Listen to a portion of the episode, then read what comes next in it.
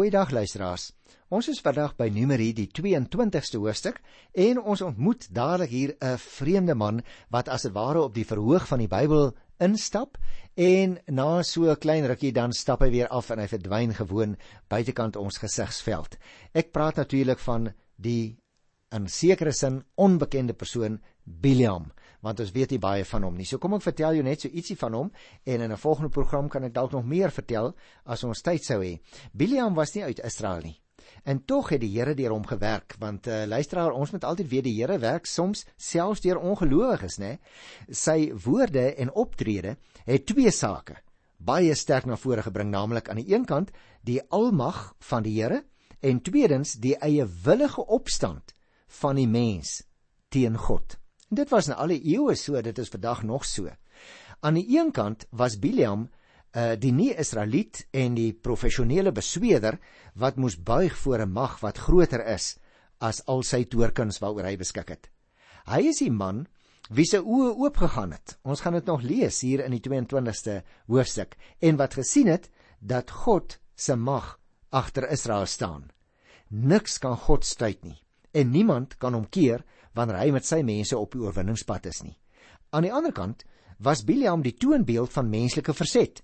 Dit was naamlik ook hy wat die Midianitiese vrouens juis aangespoor het om die Israeliete by Sittim uit te lok. Hy wou ook graag gehad het hulle moes die Israeliete verlei om saam met hom die afgode te dien. Mens skryf dit in Numeri 25. En daarvoor moes hy uiteindelik doodgemaak word. En ons kry daardie verhaal in Numeri 31 by die 8ste vers. Hy word ook in die Nuwe Testament voorgehou as die man vir wie eie gewin ander mense in die verderf belangriker was. Met ander woorde, hy het sy eie voordeel gesoek. Uh al het hy selfs ander mense laat struikel. Jy kan gerus gaan kyk in 2 Petrus 2 vers 15 en 16 word dit baie pertinent gesê, selfs ook in in Judas die 11de vers, né? Judas, die kortste boekie in die Nuwe Testament, het maar net uh, een hoofstukkie, Judas by vers 11. En op die laaste bladsye van die Bybel in Openbaring 2 by vers 14 word daar ook na hierdie Biliam uh en sy gesindheid om sy eie voorbeeld te soek uh verwys. Nog hierdie opmerkingie. In Biliam en in elkeen van ons se lewe is daar soms 'n dubbelslagtigheid luisteraars. Ons ken aan die een kant die almag van God en ons wil ook vir hom doen wat reg is. Maar aan die ander kant, die eie sinnigheid wat daar dikwels in ons harte heers, en die verkeerde dinge wat ons aanvang, dit kruip maar elke keer weer uit. Is dit nie waar nie? Daarom sien jy hoe aktueel die Bybel is juis vir ons tyd. Al is hierdie man Biliam uh 3000 jaar gelede op die verhoog gewees. Leer ons dit ook uit die gebeure wat hier beskryf gaan word. Nou wanneer jy en ek natuurlik deur die Heilige Gees van God in Jesus Christus ons lewe begin uitleef, dan dryf die liefde van God ons egter daartoe om met alle mag teenstand te bied teen die kwaad en ons ons daarvoor begin inspann om met alles wat ons het en alles wat ons wil doen die wil van die Here te soek. Nou juis hier wil ek nou optel uh in verband met hierdie Biliam verhaal waar ons so sien hoe dat mense teen die wil van die Here opgetree het. En ek dink luisteraars, hierdie uh kernsaak van die hoofstukke wat ons hier in hoofstuk 22 nou begin in uh, verband met die geskiedenis van Biliam word eintlik saamgevat as ek dit net vooruit mag noem in die 24ste hoofstuk by vers 23 wat daar staan: Wie kan in die lewe bly as God dit nie so bepaal nie? Is dit nie baie waar nie? Is dit nie ook in jou en my lewe waar nie, luisteraar? Want jy sien die Here is natuurlik die soewereine en die almagtige God. Wat hy besluit, kan niks of niemand regtig keer nie. Hy het besluit en vir Israel beloof dat hy aan hulle land sou gee om in te woon. Al was Israel opstandig teen God en al het hy die vonnis gevel dat die generasie wat uit Egipte weggetrek het, eers almal moes uitsterf, staan sy besluit vas en sal hy die nuwe geslag van Israel inlei in die land wat hy hulle beloof het. Geen vreemde koning kan dit keer nie. Geen vloek van mense kan dit stuit nie. Nou in aansluiting by Israel se oorwinnings oor Arad wat ons die vorige keer behandel het in Hosea 21 uh en wat uh gehandel het oor die oorwinnings oor Sion en oor Og, kyk hierdie gedeelte nou vorentoe na Israel se suksesvolle intog in die land. Selfs tussen hakies hoor, selfs 'n nie-Israeliet spreek hulle oor God se seën uit. En dit is die rol wat Biliam hier in die verhaal gaan speel. Die Here het hulle uit Egipte laat wegtrek. En sy krag is so sterk dat selfs die dinge wat Biliam teen hulle beoog nie gaan waar word nie. Nou kom ons begin by die eerste versie. Daarna het die Israeliete verder getrek en kamp opgeslaan in die Moabsvlakte teenoor Jerigo, oos van die Jordaan. Die Israeliete, luisteraars se laaste kampplek voordat hulle die beloofde land ingetrek het, was in die Moabsvlakte teenoor Jerigo. Nou dit is nakies, dit is die vlakte aan die ooste kant van die Jordaanrivier. Met ander woorde, as jy na die landkaart kyk, aan die regterkant, dit wil sê aan die ooste kant van uh die Jordaanrivier en dit was reg oorkant Jerigo. Dit is tussen hakies ook die eerste vermelding in die Bybel van een van die heel oudste en bekendste Bybelse stede. Ek wonder of jy geweet het die stad was reeds so teen die jaar 8000 voor Christus al reeds bewoon. En die stad is natuurlik kort na die intog van die Israeliete verwoes. Mens kry die verhaal in Joshua 6 en eers weer in die tyd van koning Agab herbou baie jare later jy kan die verhaal gaan kyk in 1 Konings 16 by vers 34. Maar uiteindelik is die ontberings van die woestynreis met sy onvergeetlike ervarings, sy baie opstande nou agter die rug. Oor kan die rivier lê Jerigo, wat ook soms genoem word die Palmstad met sy waterfonteine. Ja, die beloofde land is in sig. Die uitkoms in 'n sekere sin is in sig luisteraars. Hierdie jong geslag mense wat in die woestyn gebore is, vir 40 jaar groot geword het en rondgetrek het, hulle oë begin nou blink.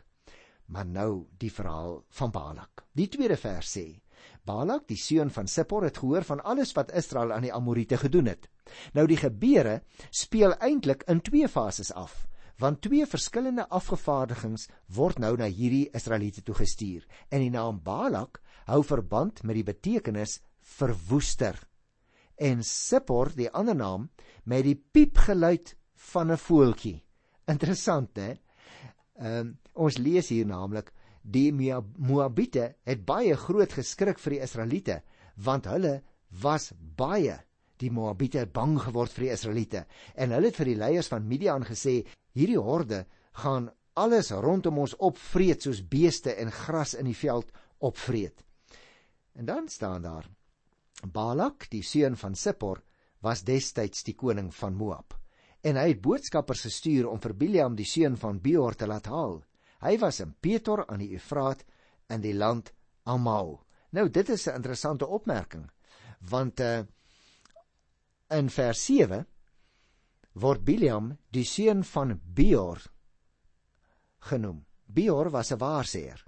En hier nou in die boek Numeri in die 22ste hoofstuk word Biliam veral geteken aan iemand wat aan die een kant getrou die Here probeer gehoorsaam het, maar aan die ander kant was hy 'n baie baie geldgierige bedrieger. Die groot vraag is nou luisteraars of hy 'n ware profeet was.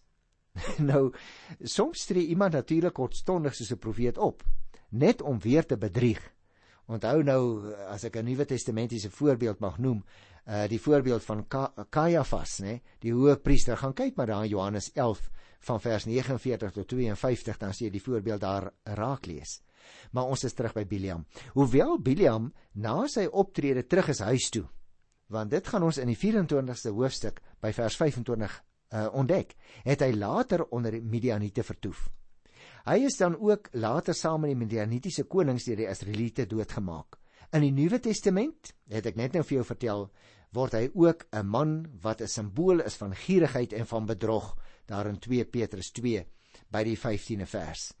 En nou, uh as ons nou hier kom by die 16 6de vers in Numeri 22, dan is die versoek wat nou gerig word dit.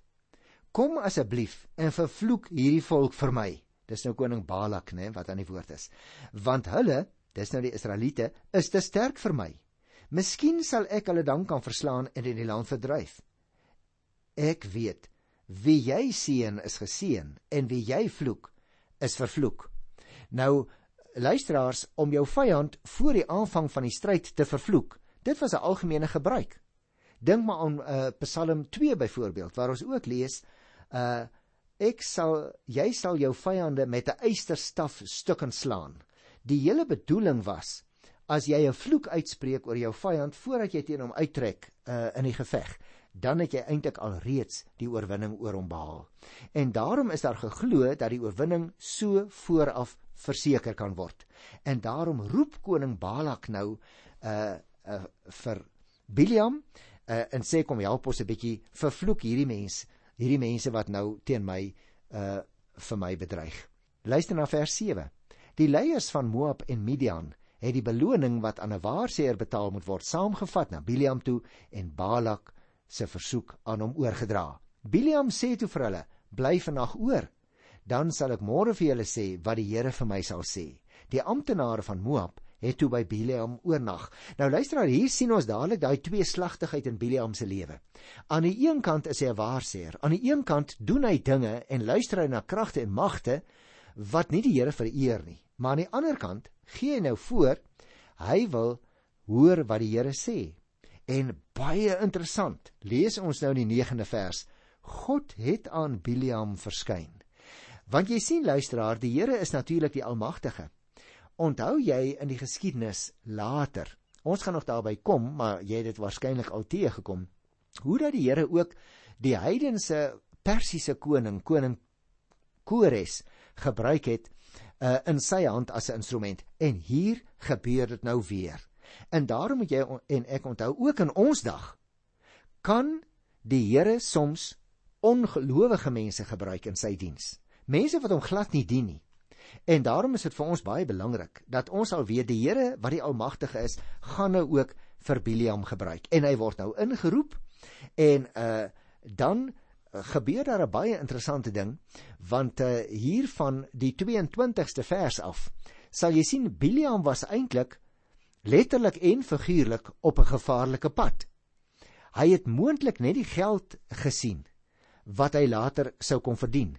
En daarom het hy nie mooi gedink wat dit alles ingehou het uh toe die Here gesê het dat hy doen net wat die Here vir hom mag sê nie.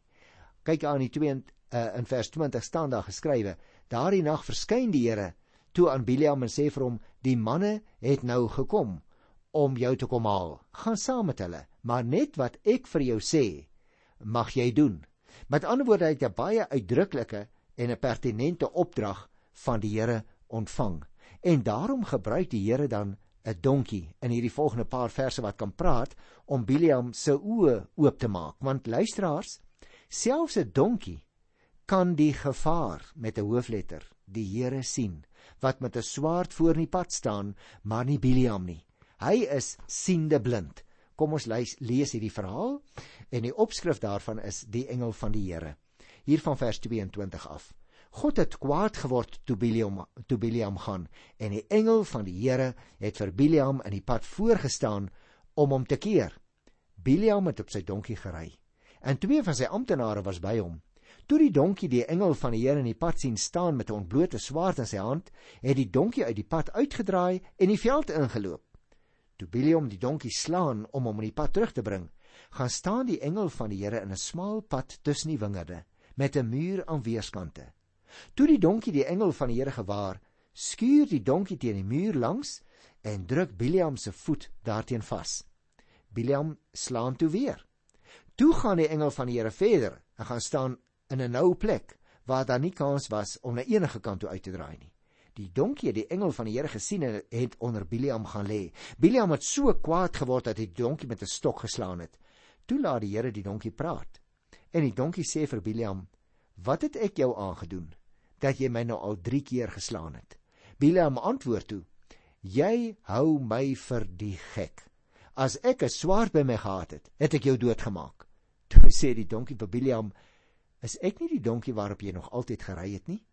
Maak ek altyd so met jou? En Bileam antwoord: Nee. Die Here het toe Bileam se oë oopgemaak en hy het die engel van die Here in die pad sien staan met 'n ontblote swaard in die hand. Toe buig Bileam voor die engel. Die engel van die Here vra hom toe: "Waarom het jy jou donkie nou al 3 keer geslaan? Ek het jou kom voorstaan, want ek sien jy is op 'n gevaarlike pad." En dit is die teks luisteraars waarna ek net nou ook verwys het en dit is die kernsaak. Niemand kan in werklikheid die Here teenstaan as hy sy voet met respek gesê gesê as hy die Here sy voet gesit het om 'n bepaalde saak deur te voer nie. Ek het al van tevore so 'n bietjie met jou gesels oor die engel van die Here. Dit is 'n uitdrukking wat gebruik word as 'n verskyningsvorm van die Here self. Onthou die verhaal van nou Jakob, né? So dit is dus eintlik 'n verskyningsvorm van die Here self waarmee ons hier te maak het.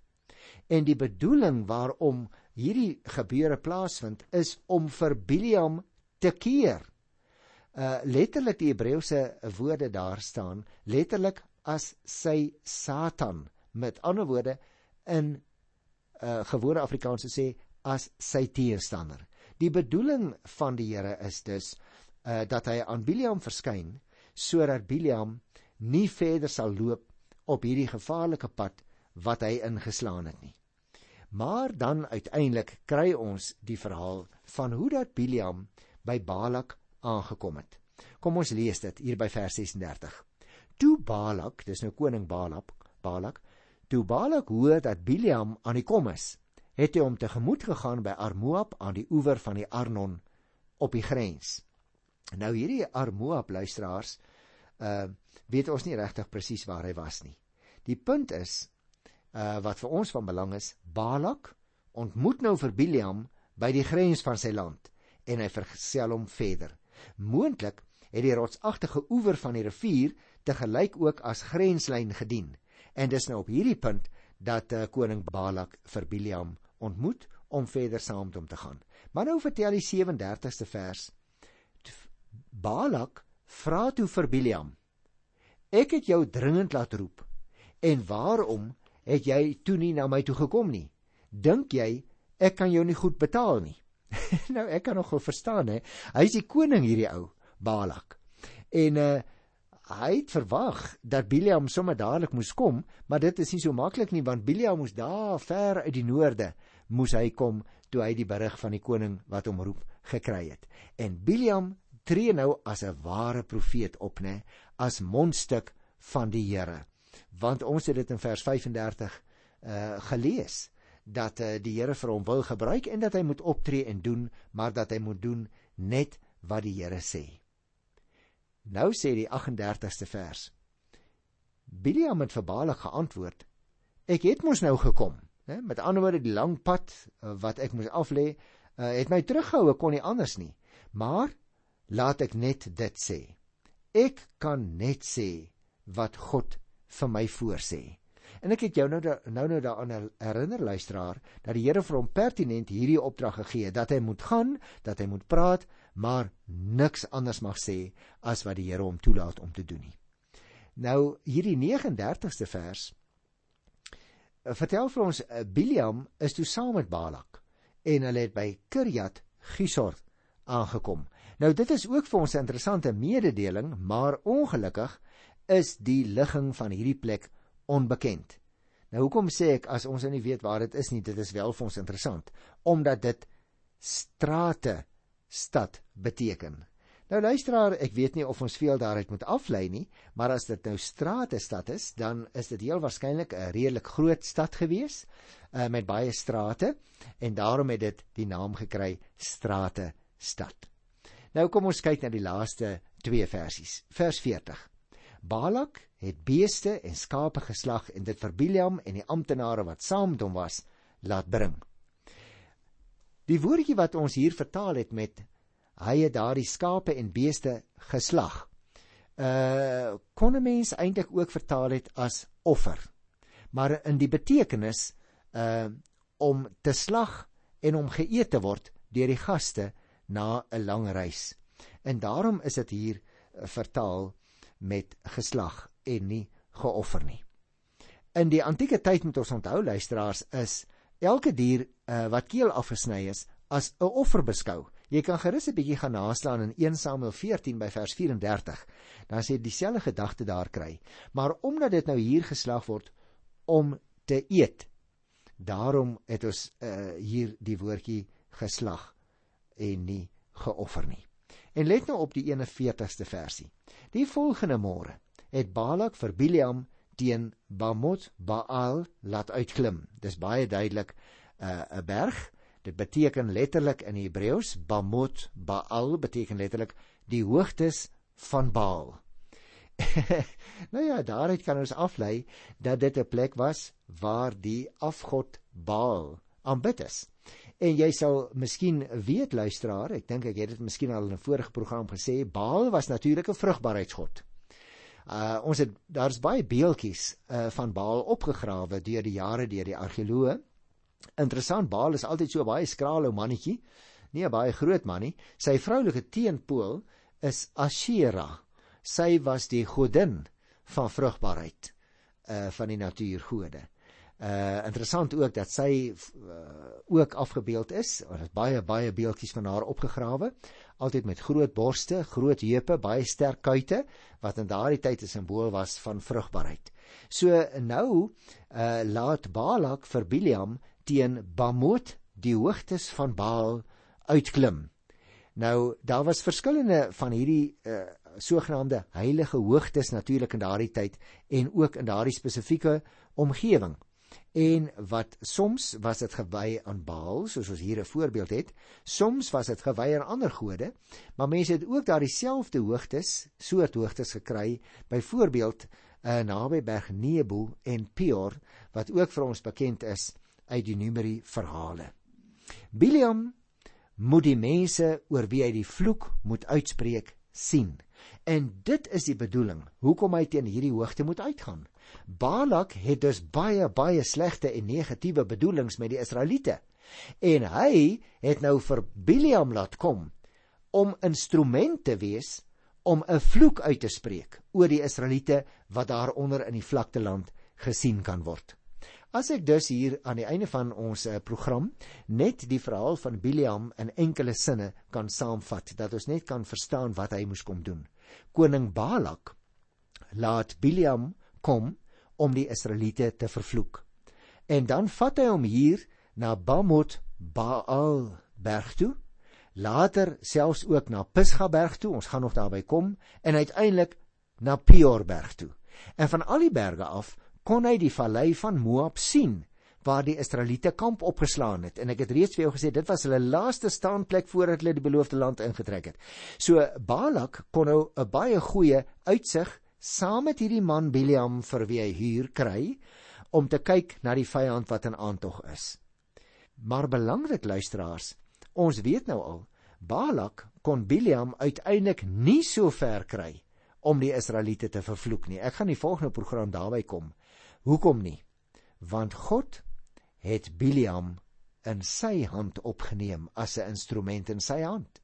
En die Here het goeie dinge vir Israel gedagte.